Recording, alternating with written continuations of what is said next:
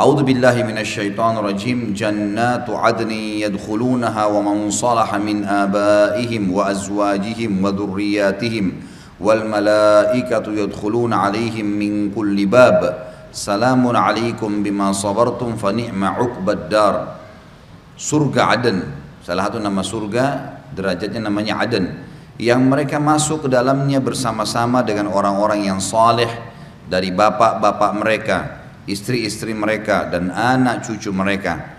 Sedang malaikat-malaikat masuk ke tempat-tempat mereka dari semua pintu gerbang surga sambil mengucapkan salamun alaikum bima sabartum yang berarti keselamatan buat kalian karena kalian bersabar maka alangkah baiknya tempat kesudahan itu. Ayat ini menjelaskan kepada kita hukum-hukum syar'i berhubungan dengan masalah surga. Yang pertama, semua orang saleh akan berkumpul dengan keluarganya di surga.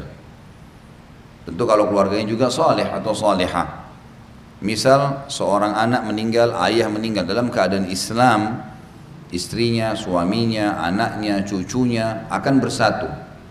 Sebagian ulama tafsir mengatakan maknanya adalah Allah subhanahu wa ta'ala akan buatkan juga kem-kem istana di surga per keluarga.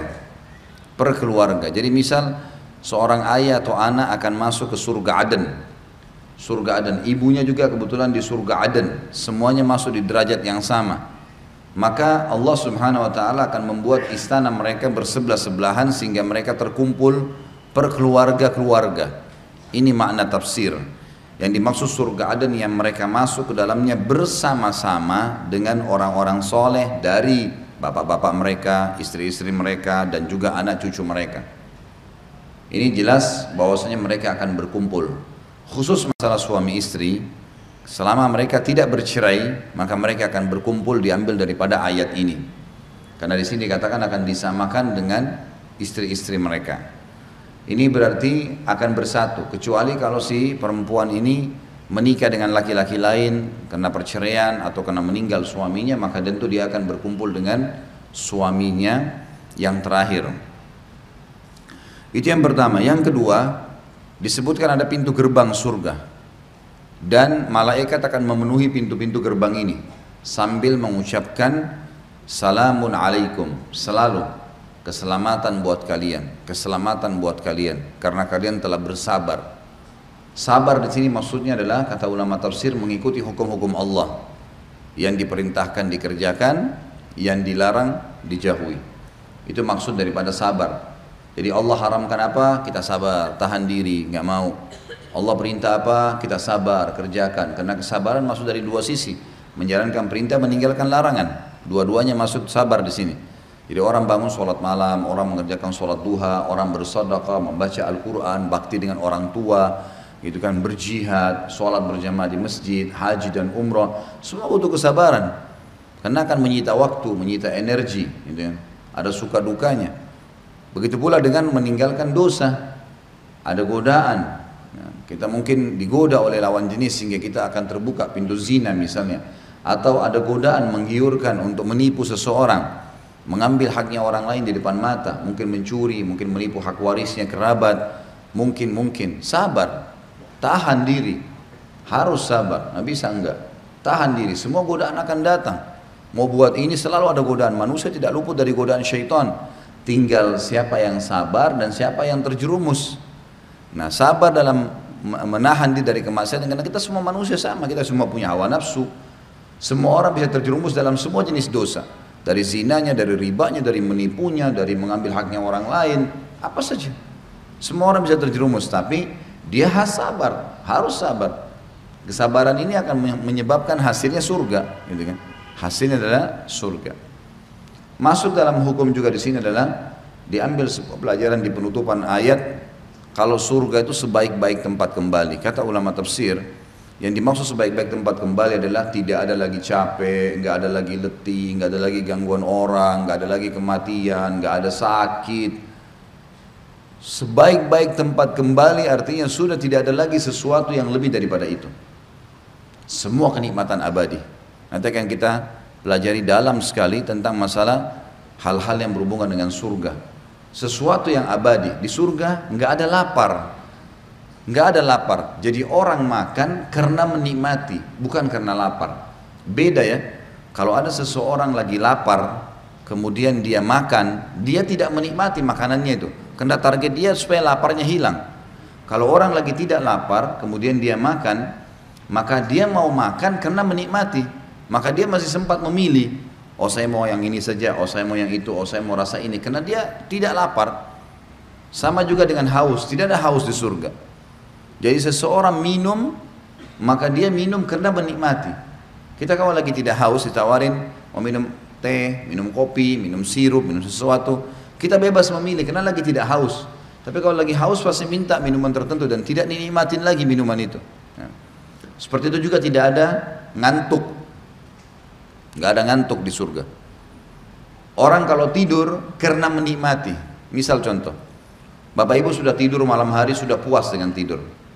Lalu kita masuk ke sebuah ruangan, sebuah rumah, nyaman sekali, bersih, AC-nya dingin, karpetnya bagus gitu kan. Atau mungkin di sebuah taman yang hijau, membuat jiwa tentram sekali. Kita bisa tertidur lagi. Tertidurnya bukan karena ngantuk, tapi karena nyamannya tempat itu. Seperti itu surga. Jadi tidak ada ngantuk, nggak ada lapar, nggak ada haus.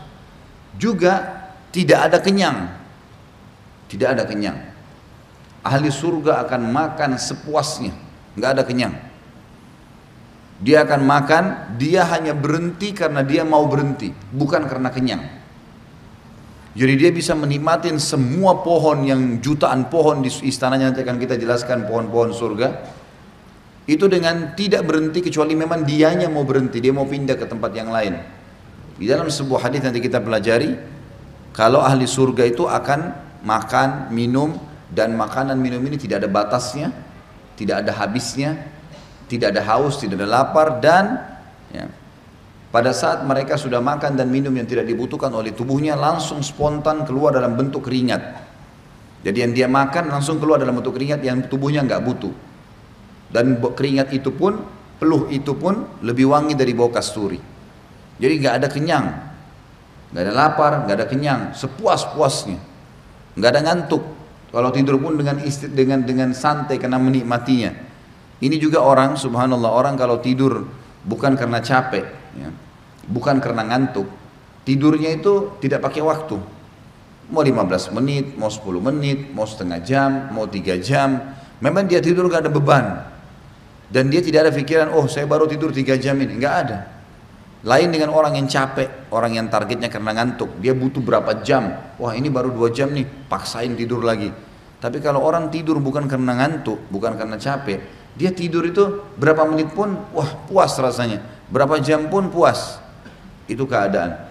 Semua ini teman-teman sekalian masuk dalam makna ayat Al-Quran penutupan dia sebaik-baik tempat ya fani ma'uqbaddar dar itu tempat tinggal paling nyaman semua sisi temboknya sisi tanahnya warnanya permadaninya bantal-bantalnya nanti akan kita pelajari semua Ayat-ayat menjelaskan masalah itu ada permadani, ada bantal-bantal yang tertata rapi, ada singa sana, ya. Kemudian ada pohon-pohon yang luas gitu. Ada trap-trap tingginya beberapa istana yang dia bisa pindah-pindah. Pelayan-pelayan yang dipenuhi. Satu orang di surga itu memiliki minimal 10 ribu pelayan. Satu orang punya 10 ribu pelayan. Sendiri saja. Dan pelayan ini super sempurna semua bidadaranya laki-lakinya gagah sekali, semua bidadarinya cantik sekali. Sempurna sampai dikatakan dalam sebuah riwayat yang sahih, nanti akan masuk seorang pun di surga ke surga lalu dia temuin seorang pelayan laki-lakinya sangat tampan, bercahaya dan luar biasa. Sampai dia mengira orang ini malaikat. Dia mengatakan, apakah kamu salah satu dari malaikat? Dia mengatakan, bukan. Saya salah satu pelayan anda di sini. Sepuluh ribu orang pelayan. Manfaat yang paling besar bagi kita orang-orang beriman mempelajari surga. Dunia ini jadi kecil kalau kita sudah pelajari. Hilang semua itu ego untuk memperebutkan masalah dunia ini. Kita akan lihat, oh ini kecil dunia, akan kita tinggalin semua di sana itu akhir. Sampai seseorang pernah bersedekah dari salah satu salafus saleh. Setiap selesai itu dagangannya, dia pasti dapat, dia sudah dapat keuntungan buat rumahnya, kebutuhan rumahnya. Sisanya e, modalnya dikembalikan, sisa itu keuntungan dikasih sodokah. Selalu tiap hari sodokah. Teman-temannya pedagang yang lain semua sibuk. Keuntungan setelah keluarin kebutuhan keluarga, setelah modal kembali, sisanya dipakai nabung, beli emas disimpan. Sampai akhirnya teman-temannya memiliki gudang-gudang emas, dia tidak ada. Tetap seperti biasa saja gitu. Usahanya maju. Tapi dia tidak ada punya simpanan. Teman-temannya hanya bilang, Hai Fulan, kami sudah punya segudang emas kamu belum punya karena kamu selalu bersedekah. Kamu nggak pernah simpan gitu. Kamu tidak sayang sama hartamu. Maka jawaban orang beriman berbeda. Dia mengatakan justru karena saya sayang harta saya, saya ingin bawa harta saya sampai ke sana, sampai ke akhirat. Ini sedekah ini saya sedang nabung untuk saya bawa ke sana. Kalian justru tidak sayang harta kalian. Karena kalian tumpuk-tumpuk di dunia. Kalau kalian mati sekarang, ini bakal dibagi ahli waris. Kalian tidak sayang harta itu. Saya justru sayang karena saya bawa ke sana. Orang beriman pemikirannya berbeda. Semua sisi surga teman-teman sekalian sebuah kenikmatan abadi yang tidak bisa dibayangkan. Dan kalau kita sudah tertanam dalam hati kita poin masalah ini, dunia ini akan jadi kecil. Nggak ada lagi perebutan di situ. Nggak ada lagi emosional. Nggak ada lagi sesuatu yang melampaui batas berlebihan, gitu kan. Ada lagi pintu-pintu maksiat yang terbuka karena memang sudah sempat sampai pada puncaknya. Kita sudah tahu tinggal tunggu mati maka akan selesai. Baik, kemudian selanjutnya surah Sad ayat 49 sampai ayat 50. Tentu saja yang pegang buku di sini tidak tidak disebutkan ya, tidak disebutkan bahasa Arabnya ayat ini, maka kita membuka Al-Qur'an. A'udzu billahi minasyaitonir rajim. Hadza dzikr wa inna lil muttaqina la husna ma'ab. Ini adalah kehormatan bagi mereka. Makna yang lain, ini adalah peringatan buat mereka. Dan sesungguhnya bagi orang-orang yang bertakwa, yang patuh kepada Allah, benar-benar disediakan buat mereka tempat kembali yang baik. Apa itu tempat kembali yang baik? Ayat 50 menjelaskan. Jannati adni jannati adni mufattahatan lahum mufattahatan lahumul abwab yaitu surga Aden yang pintu-pintunya terbuka bagi mereka. Tentu di sini saksi bahasan ya. Nanti akan ada bahasan-bahasan setelahnya yang akan kita bahas seperti misalnya masalah dipan-dipan, masalah pelayan-pelayan. Di ayat ini sebenarnya ada juga. Ya, di ayat ini juga ada. Kalau ayat 51 sampai ayat 52 juga sama menjelaskan masalah itu. Tapi kita tidak bahas sekarang, kita akan bahas di pasalnya khusus masalah makanan dan minuman. Saksi bahasan kita sebenarnya adalah ayat 50-nya. Kalau pintu-pintu gerbangnya akan terbuka bagi mereka. Selanjutnya surah Zumar. Surah nomor 39. Setelahnya langsung ya. Ayat 73. Wasiqal ladzina ittaqaw rabbahum ilal jannati zumara. حتى إذا جاءوها وفتحت أبوابها وقال لهم خزنتها وقال لهم خزنتها سلام عليكم طبتم فادخلوها خالدين dan orang-orang yang bertakwa kepada Rabb mereka akan dibawa ke surga berbondong-bondong atau berombong-rombongan sehingga apabila mereka sampai ke surga itu maka semua pintu-pintunya telah terbuka. Dan berkatalah kepada mereka para penjaga-jaga penjaga-penjaganya dari malaikat kesejahteraan dilimpahkan buat kalian. Berbahagialah kalian maka masukilah surga ini sedangkan kalian kekal di dalamnya. Tentu di sini yang kita ambil pelajaran daripada ayat ini adalah pastinya ada surga dan orang-orang beriman akan masuk ke dalamnya kemudian juga surga itu memiliki pintu-pintu gerbang yang sangat besar ya, dan nanti akan kita jelaskan hadisnya. Di antaranya hadis kata Nabi SAW, surga punya delapan buah pintu, satu daun ke daun sebelahnya itu jaraknya 40 tahun. Jadi sebuah pintu gerbang yang sangat besar. Tentu kalau kita e, lihat istana-istana, selalu istana-istana raja itu pasti pintu gerbangnya besar-besar. Ya. Sebuah rumah akan kelihatan mewah kalau pintunya besar, tinggi besar. Kita lihat misalnya pintu-pintu masjid haram sekarang. Besar-besar, tidak ada pintu kecil gitu kan. Makin besar pintu itu, makin mewah kelihatan karena butuh pondasi yang kuat sehingga dia memang dia bisa terbuka sebuah pintu yang sangat besar, sesuatu yang positif. Makanya pintu besar jarak 40 tahun surga ini memang sebuah pintu gerbang yang raksasa, yang luar biasa.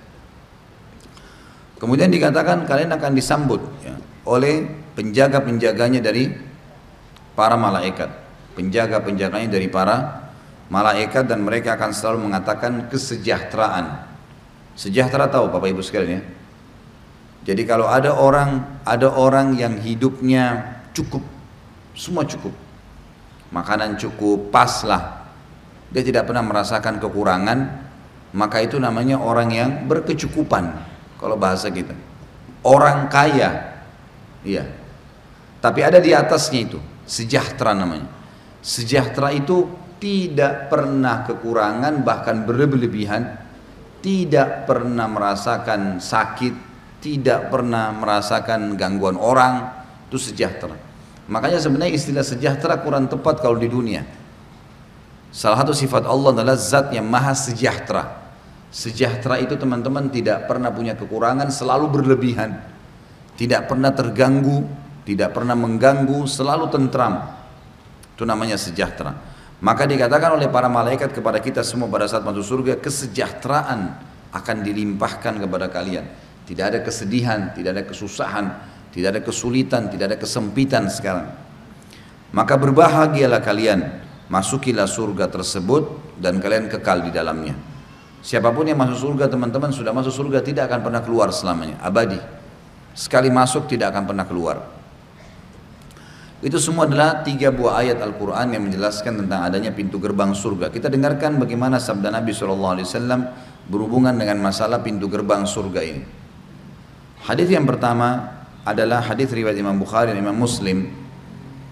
Ubadah bin Samit radhiyallahu anhu meriwayatkan Nabi sallallahu alaihi wasallam bersabda man syahida an la ilaha illallah wahdahu la syarika lah wa anna Muhammadan abduhu wa rasuluh wa anna Isa abdullah wa rasuluh wa kalimatuhu alqaha ila Maryam wa ruhum min wal jannata haqq wan nara haqq adkhalahu Allahu al jannata ala ma kana min al amal wa fi riwayah min abwabil jannati thamaniyati ayyuha sya' Barang siapa yang bersaksi bahwasanya tidak ada Tuhan atau ilah yang berhak diibadahi kecuali Allah semata yang tidak ada sekutu baginya dan bahwasanya Muhammad adalah utusannya, Isa adalah hamba dan rasulnya, Rasul Allah serta kalimatnya Allah yang dia sampaikan kepada Maryam dan ruh darinya.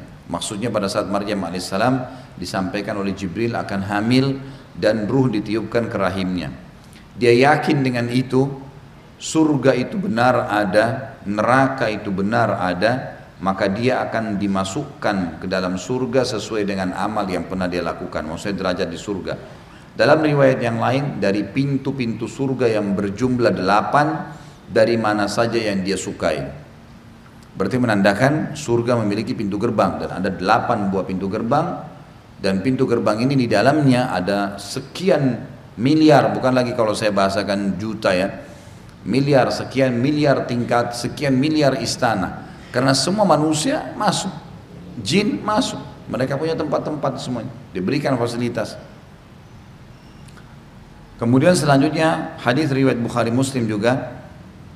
Abu Hurairah anhu meriwayatkan sabda Nabi SAW sabda Rasulullah SAW barang siapa yang menginfakkan dua pasang kuda atau dua pasang unta dan lain sebagainya di jalan Allah maka ia dipanggil dari pintu-pintu surga wahai hamba Allah ini lebih baik maksudnya ini kebaikan yang dibalaskan kepada kalian barang siapa yang termasuk ahli solat maka ia dipanggil dari pintu solat Barang siapa yang termasuk ahli jihad maka dia dipanggil dari pintu jihad. Barang siapa yang termasuk ahli sedekah maka dia dipanggil dari pintu sedekah. Barang siapa yang termasuk ahli puasa maka dia dipanggil dari pintu rayyan. Abu Bakar berkata, ayah dan ibuku sebagai tebusannya wahai Rasulullah. Apakah setiap orang semestinya akan diseru dari pintu-pintu tersebut? Apakah ada orang yang dipanggil dari pintu-pintu itu semuanya? Kenapa kok harus pintu sholat panggil? Maksudnya dia masuk dapat istanahnya pintu sholat eh, puasa panggil Apakah ada orang dari semua pintu itu? Ya. Apakah tidak mungkin seseorang akan dipanggil dari pintu-pintu seluruhnya? Beliau menjawab, benar. Dan aku berharap engkau termasuk di antara mereka. Maksudnya akan ada orang dipanggil dari semua pintu-pintu ini. Dari hadis ini kita ambil pelajaran Bapak Ibu sekalian. dianjurkan atau motivasi untuk bersedekah di jalan Allah, terutama untuk jihad. Dan yang dibahas ini adalah transportasi, transportasi. Ya untuk jihad. Jadi kita dianjurkan membiayai karena yang dibutuhkan adalah mujahidin menggunakan kuda, menggunakan unta, gitu kan. Makna daripada hadis dan lain sebagainya kata ulama adalah boleh dia kalau di zaman sekarang masuk di dalamnya tank misalnya, mobil, motor, transportasi yang dipakai berjihad. Siapa yang menginfakkan dua pasang, kalau hewan ternak, kalau hewan maka jantan dan betina. Tujuannya dia sedekahkan kuda jantan dan betina supaya berkembang biak dan anak-anak keturunan kuda atau unta itu akan terus dipakai jihad. Ini pahalanya besar, kan? Nabi SAW dulu di Madinah punya peternakan khusus untuk hewan-hewan zakat, hewan-hewan yang sedekah, ada orang sedekahkan maka dikembang biakan. Nah ini nanti biasanya orang kalau memberikan laki-laki jantan jantan dan uh, betina nanti akan berkembang biak. Berkembang biak ini akan jadi lebih banyak pahalanya. Seperti itulah. Mungkin kalau kendaraan atau transportasi kayak sekarang dia rutinkan bersedekah untuk memberikan transportasi para mujahidin. Maka pahalanya adalah dia akan dipanggil dan dikatakan pada hari kiamat wahai hamba Allah perbuatanmu ini baik Maksudnya ini lebih baik adalah perbuatan yang kamu sudah lakukan sangat baik. Kemudian dijelaskan manfaat yang kedua dari hadis ini, ternyata setiap ibadah itu punya pintu lagi. Jadi dari delapan pintu utama, gerbang utama, nanti kita masuk akan banyak pintu. Dalam mungkin jutaan pintu. Di setiap pintu itu adalah jenis ibadah tertentu pintu sedekah, pintu salat, pintu jihad, pintu haji, pintu apa semua, pintu-pintu, pintu bakti dengan orang tua. Semua pintu ini siapa pun yang menonjol mengerjakannya akan punya istana di dalam kem itu, dalam pintu itu. Maka setiap orang yang sholatnya sempurna di timbangan amal, maka dia akan dipanggil dari pintu sholat. Ini istana kamu, silakan nikmatin. Nanti orang sodaka dari pintu sodaka. Lalu Abu Bakar bertanya pertanyaan yang cerdas. Ya Rasulullah, itu kan orang dipanggil dari pintu masing-masing. Maksudnya bagaimana kalau ada orang kerjain semua ibadah itu?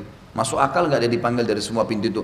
Ada masuk akal nggak dia punya istana di setiap pintu gerbang ibadah-ibadah itu? Maka kata Nabi SAW benar ada dan kamu termasuk salah satunya.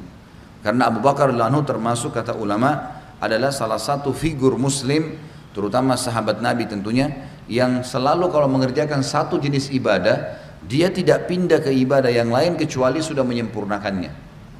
Jadi Abu Bakar itu terkenal sekali kalau sedekah maksimal semua harta dikeluarin.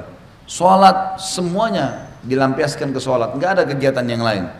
Apa saja yang sedang dia kerjakan dia maksimalkan. Riwayat-riwayat sampai pada tingkat Abu Bakar membantu janda-janda maksimal. Diurus sampai selesai.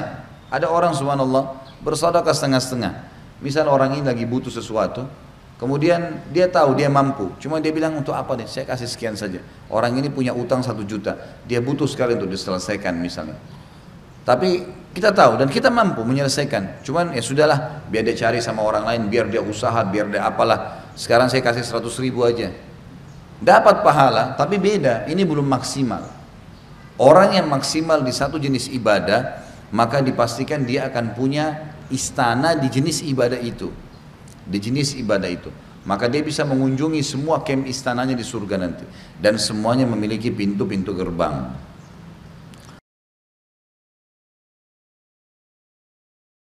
Assalamualaikum. Untuk pemesanan paket umroh murah bisa menghubungi 0821